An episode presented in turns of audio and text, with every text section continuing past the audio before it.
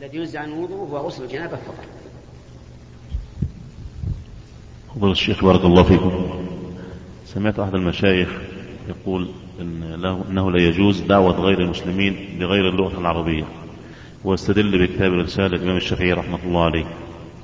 ف... استدل بإيش؟ بكتاب الرسالة للإمام الشافعي رحمه الله تعالى. أنه قال الإمام الشافعي رحمه الله رحمه الله في أن أن اللغة العربية لا تكون تابع بل هي متبوعة وأنه لا يجوز أن نتكلم في بغير في الدعوة بغير اللغة العربية بحرف واحد. فما تقول في هذا بارك الله فيك؟ آه، نقول أول استدلاله بقول الشافعي في غير محل لأن قول الشافعي لا يحتج به وإنما يحتج له. هذا إذا سلمنا أن الشافعي قال أنا ما أدري لكن إذا سلمنا وأن هذا الرجل متأكد نقول قول الشافعي لا يحتج به وإنما يحتج له والشافعي رحمه الله وغيره من الأئمة يقولون إذا وجدتم كلامنا مخالفا لكلام الله ورسوله فاضربوا به عبر الحائط. هذه واحد. الشيء الثاني نقول لا يمكن دعوة من لا يفهم اللغة العربية إلا بلغته بنص القرآن. قال الله تعالى وما أرسلنا من رسول إلا بلسان قومه ليبين له ومعلوم أن العربية سابقة. العربية منذ زمن إسماعيل. والعربية موجودة. ومع ذلك يرسل يرسل الله الرسل بلغة قومهم.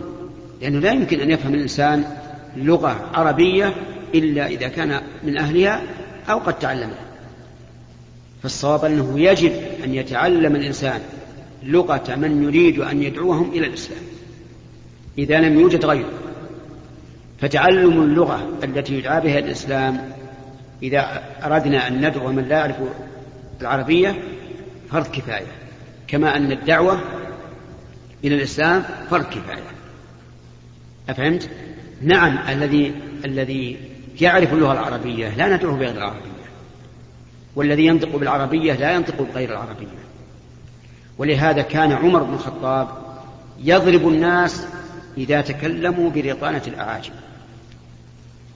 والعلماء كرهوا أن يكون التخاطب باللغة العربية بلغة غير العربية لمن يعرف اللغة العربية.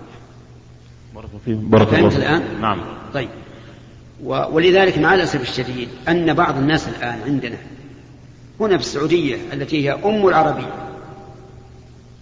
نجد بعضهم يتكلم باللغة غير العربية مع أخيه العربي بل بعضهم يعلم صبيانه اللغة غير العربية. بل بعضهم يعلمهم التحية الإسلامية باللغة غير العربية. سمعنا من يقول لصبيه إذا أراد مغادرته أو, أو أتى إليه يقول bye bye. إيش معنى bye bye؟ إيش معناها مع السلامة. معناها مع السلامة؟ اي نعم طيب كيف نذهب إلى هذا؟ ثم نرى الآن مع الأسف الشديد أنه يوجد لافتات على بعض المتاجر. باللغة غير العربية. يعني في بلادنا العربية يأتي العربي من البلد يقف على هذا الدكان ما يدري وش معنى ما الذي فيه ولا يدري ما هذا المتجر ويأتي إنسان أوروبي لا يعرف البلد ويقف ويعرف ما في هذا الدكان لماذا؟ لأن المكتوب باللافتة بلغته. أما نحن فلا. وهذا لا شك أنه من نقص التصور في, في, في شعبنا في الواقع. من عندك ممن يفهم اللغة الإنجليزية؟ يعني ولا واحد في المئة من السكان. ثم تجعل اللافتة على على دكانك بهذه اللغة. هذا يعني أقل ما يكون حياء. حياء من من من من, من أهل البلد. لكن الحقيقة أن القلوب ميتة. وإلا كان يهجر هذا الذي هذا الذي جعل دكانه على باللغة غير العربية. كان الذي ينبغي لنا نحن ونحن عرب نقول والله أنت ما فتحت دكانك لنا. فتحته لأهل هذه اللغة. ونقاطع. لو أننا قاطعناه لكان غدا يكتبها بالحرف الكبير باللغة العربية. لكن الناس في الحقيقة قلوبهم موتى. إلا من شاء الله. وأنا أراه يجب على المسؤولين وإن كنت لا أحب أن أقول هكذا أن يدور على هذه الدكاكين والمتجرات ويقول أدنى ما نقول لكم إذا كان غير العرب فيكم كثيرون. أقل ما, ما, ما يجب عليكم أن تكتبوها باللغة العربية فوق وباللغة غير العربية تحت. ثم نقول أيضا إذا كان هذا العرب إذا كان هذا البلد أكثر أكثر الأجانب الذين هم غير العرب أكثرهم باكستانيين. هل يليق أن نكتبها باللغة الإنجليزية ولا باللغة الباكستانية؟ إذا أردنا أن نكون لغة غير العربية باللغة الباكستانية. الآن هؤلاء الذين يكتبون إذا كان أكثر الذي في البلد من العمال باكستانيين مثلا وكتب باللغة الإنجليزية وترك عربية وباكستانية. بقي الآن لا يعرفه لا العرب ولا الباكستانيين. كل هذا من أجل ضعف الشخصية في كثير من الناس. بهرتهم هذه الحضارة في في الدول العالمية فظنوا أنها هي منطلق التقدم. المهم على كل حال هذه جاءت استطرادا والكلام على أنه من دعا قوما غير عرب يجب أن يدعوهم بلغتهم وإلا فلن يستفيد. كلام هذا الشيء ورد أن قال من دعوة توقيفية وليس لنا الدعوة توقيفية لكن الوسائل. نعم. الوسائل وهل يمكن الآن اجلس بين عشرة من غير من غير العرب وتكلم بأرقى الفصاحة والبيان باللغة العربية ماذا يفهمون؟ لا شيء فهل يقال إن هذا دعا إلى الله؟ ثم إن الرسول عليه الصلاة والسلام أمر زيد بن ثابت رضي الله عنه أن يتعلم لغة اليهود من أجل أن يرد عليهم خطاب كتاباتهم ويقرأ كتاباتهم. أمره أن يتعلم ذلك.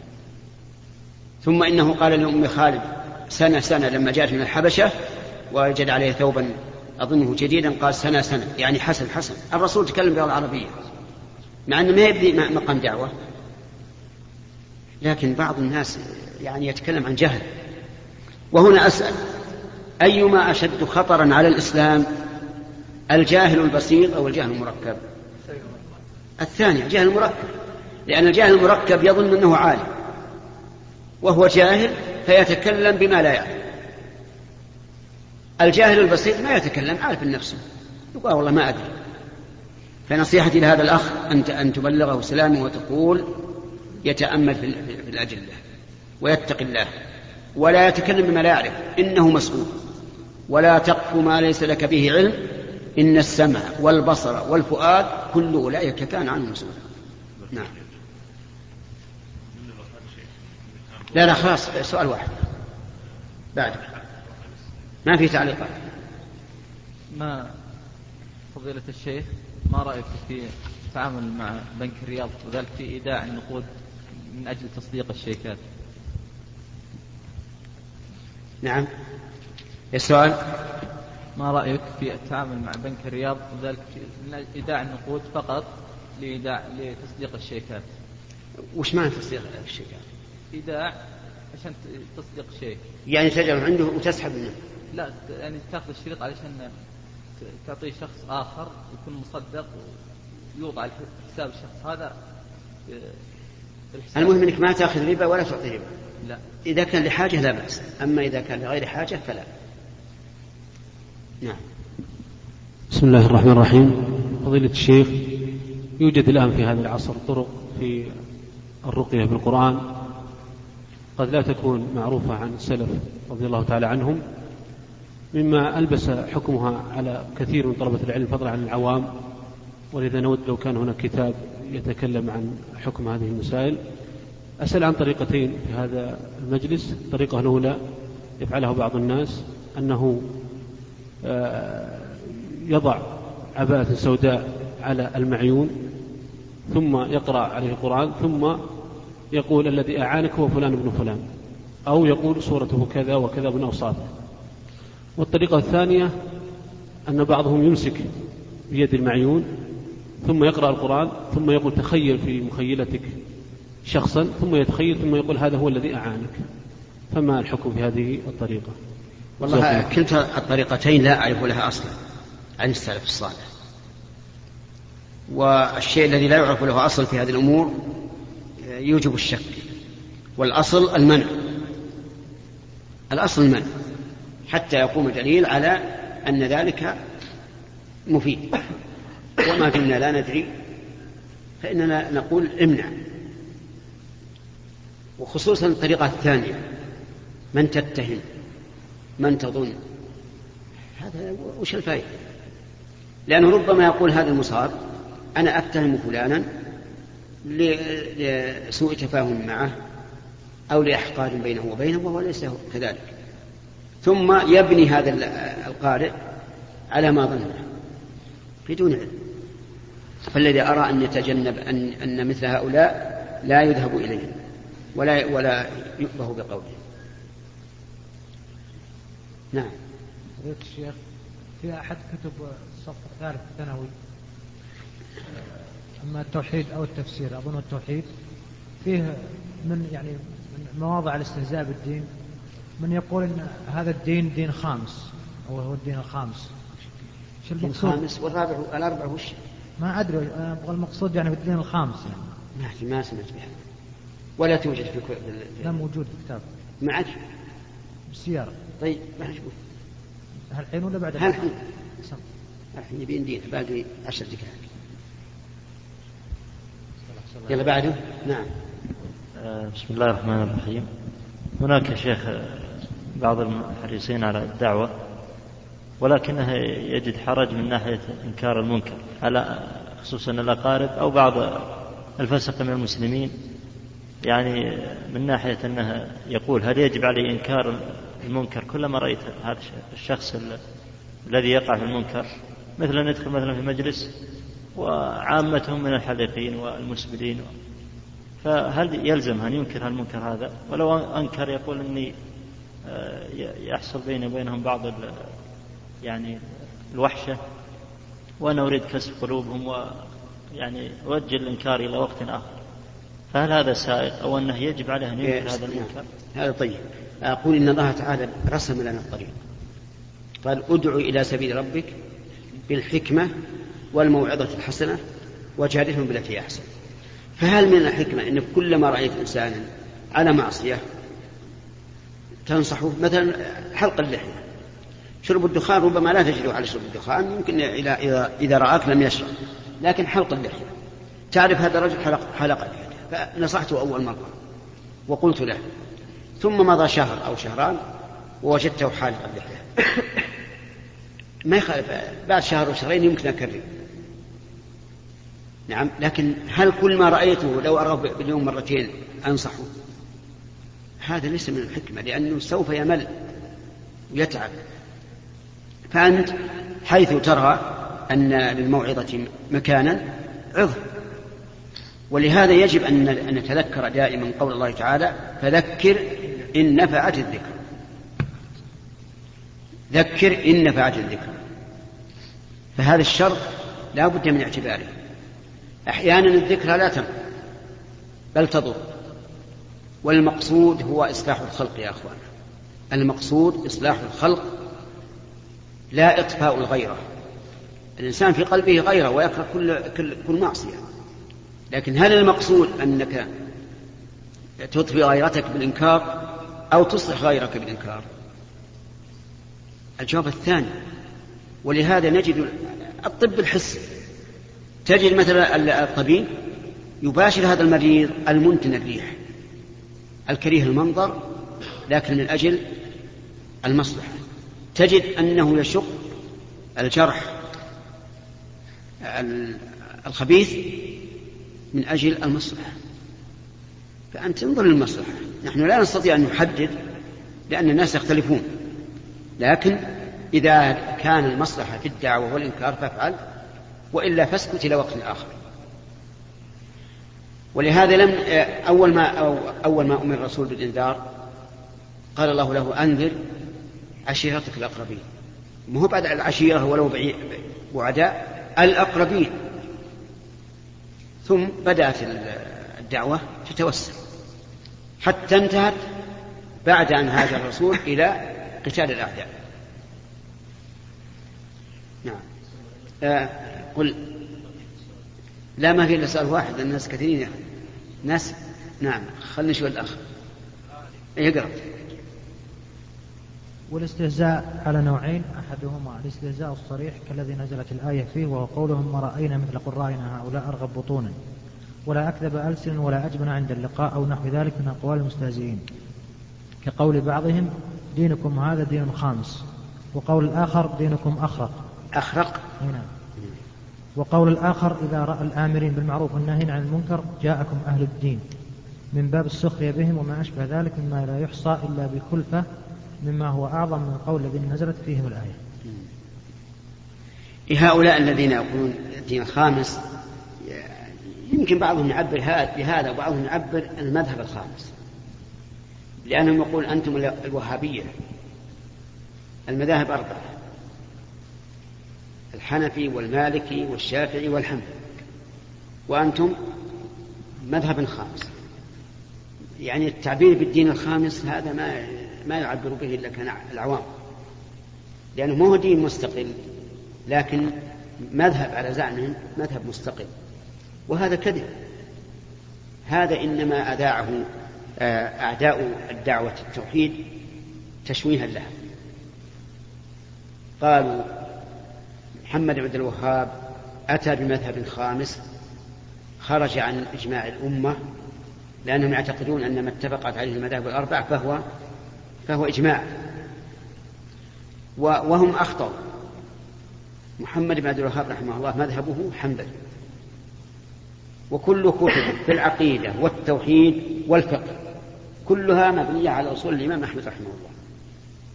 ولم يأتي بالمذهب الخامس ولكن أنت تعرف أن الأعداء يشوهون الدعوة والداعي الرسل أعداء الرسل وش قالوا؟ قالوا إن هذا إلا سحر مبين. فطعنوا في الدعوة وقالوا في الداعي إنه ساحر كذاب فطعنوا في المدعو في الداعي. كذلك هؤلاء طعنوا في فيما يدعو إليه الشيخ محمد بن الوهاب رحمه الله من التوحيد وشوهوا السمعة من أجل لسببين. السبب الأول تنفير العوام من التمسك به. والسبب الثاني استساغة حرب هذا الرجل ومن أخذ بطريقه أنه أتى ببدع من من مذاهب المسلمين فاستحق أن أن يحارب ويقاتل. وكل هذا كذب على محمد بن الوهاب. على كل حال حتى الساخرين بالأمير بالمعروف والنهي عن المنكر أيضا قد يتوقف الإنسان في كونه كفرا.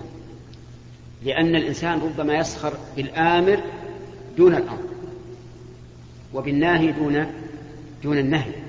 وأضرب لكم مثلا لو جاء إنسان من العلماء المعتبرين هنا في البلاد ونهاك عن شيء وجاء إنسان من الإخوان الذين لا يعرفون ونهاك هل تكون قيمة النهي عندك بين من الرجلين؟ هل تكون قيمة النهي عندك من الرجلين سواء؟ لا. تحترم الأول والثاني ربما لا تحترمه. ما هو لأنك لا تحترم المنكر لكن لأنك لا لا, لا تعبأ بهذا النهي ولا تدري عنه. الآن مثلا يأتينا طالب علم صغير يرفع ثوبه إلى نصف الساق. تجد بعض العوام إيش؟ يسخرون به ويرونه أخطأ. يجي إنسان من العلماء المعتبرين الموثوق يجعل ثوبه إلى نصف الساق. هل يسخرون به؟ لا. اذا ليست السخرية بالآمرين بالمعروف والنهي عن المنكر في زمننا كالسخرية في محمد وأصحابه. بينهما فرق فرق عظيم لأن محمد عليه الصلاة والسلام معصوم. والآمرون بالمعروف والنهي عن المنكر في زمننا غير معصومين. لكن اللي بيسخر بالمنكر آه، بالمعروف نفسه هذا هو الذي يكون كافرا أما بالآمر به فلا يمكن أن يطلق عليه الكفر لأنه قد يسخر بالرجل دون ما دعا إليه. وهذه مسألة يجب أن نتفطن لها وأن نعلم الفرق بين السخرية بالرسول وأصحابه والسخرية بالأمير بالمعروف والنهي عن المنكر هنا فيقال للساخر هل أنت تسخر بالمعروف الذي أمروا به كما لو أمروك بالصلاة مع الجماعة؟ وقلت هذا؟ هذا تأخر هذا تقهقر يريدون أن نرجع للعصور الوسطى وما أشبه ذلك؟ فهذا كفر. أما أنه يسخر بالرجل نفسه فالرجل نفسه قد يكون الإنسان غير قابل له. والله أعلم. السلام عليك يا شيخ. السلام. فيه رجال أنسى. ويدخل الحمام. وعقب ما يطري علي الله لما دخلت الحمام سميت. هو في شيء ولا لا؟ إيه لا. إذا بارك الله فيك. التسمية قبل الدخول. التسمية قبل الدخول. قبل الدخول. تقول؟ بسم الله. أعوذ بالله من الخبث والخبائث. طيب نسيت. فإذا نسيت. إذا نسيت قد نقول ولا أجزم بذلك قد نقول أخرج وسم وادخل عرفت؟ لئلا يفوتك التسمية ولا ولا تسمي في, في وسط الحمام. جزاك الله خير. فضيلة الشيخ فيه امرأة حجت أقول فيه امرأة حجت يا شيخ نعم. ولم ترمي الجمار وهي قادرة إلا أن معها طفل له شهران. ولا, ولا تأمن عليه. أقول ولا تأمن عليه. ليس معها إلا محرمها ومعها امرأة ثانية. إيه لكن لا تأمن أن تجعل الطفل عند المرأة الثانية وتروح ترمي. لأنهم جماعة هم سوى يرمون سوى الله أعلم عاد ما أدري على كل حال إذا إذا تركت ذلك خوفا على ابنها. نعم. أو عجزا ووكلت فلا بأس. عرفت؟ نعم. هذه. طيب وإذا بغت تذبح؟ إن بغت تذبح هدي في مكة نعم. فدية توزع نعم. على الفقراء نعم. فجزاها الله خير. إن كان واجبا عليها فأدت الواجب وإن كان غير واجب فهو تطوع. ومن يتطوع خيرا فإن الله شاكر عليم. ومن تطوع خيرا فإن الله شاكر عليم. انتهى الوقت يا أخي. ما بعد الأذان إلا الصلاة. والحمد لله رب العالمين وصلى الله وسلم على نبينا محمد وعلى آله وأصحابه ومن تبعهم بإحسان إلى يوم الدين. أيها الإخوة في ختام هذه المادة. نسأل الله أن نلقاكم في لقاءات متجددة. مع تحيات مؤسسة الاستقامة الإسلامية للإنتاج والتوزيع في عنيزة. شارع هلالة رقم الهاتف والناسخة الهاتفية صفر ستة ثلاثة ستة أربعة ثمانية ثمانية ثمانية صفر. والرقم الثاني صفر ستة ثلاثة ستة أربعة خمسة ثمانية ثمانية صفر. ورقم صندوق البريد اثنان وخمسمائة وألف.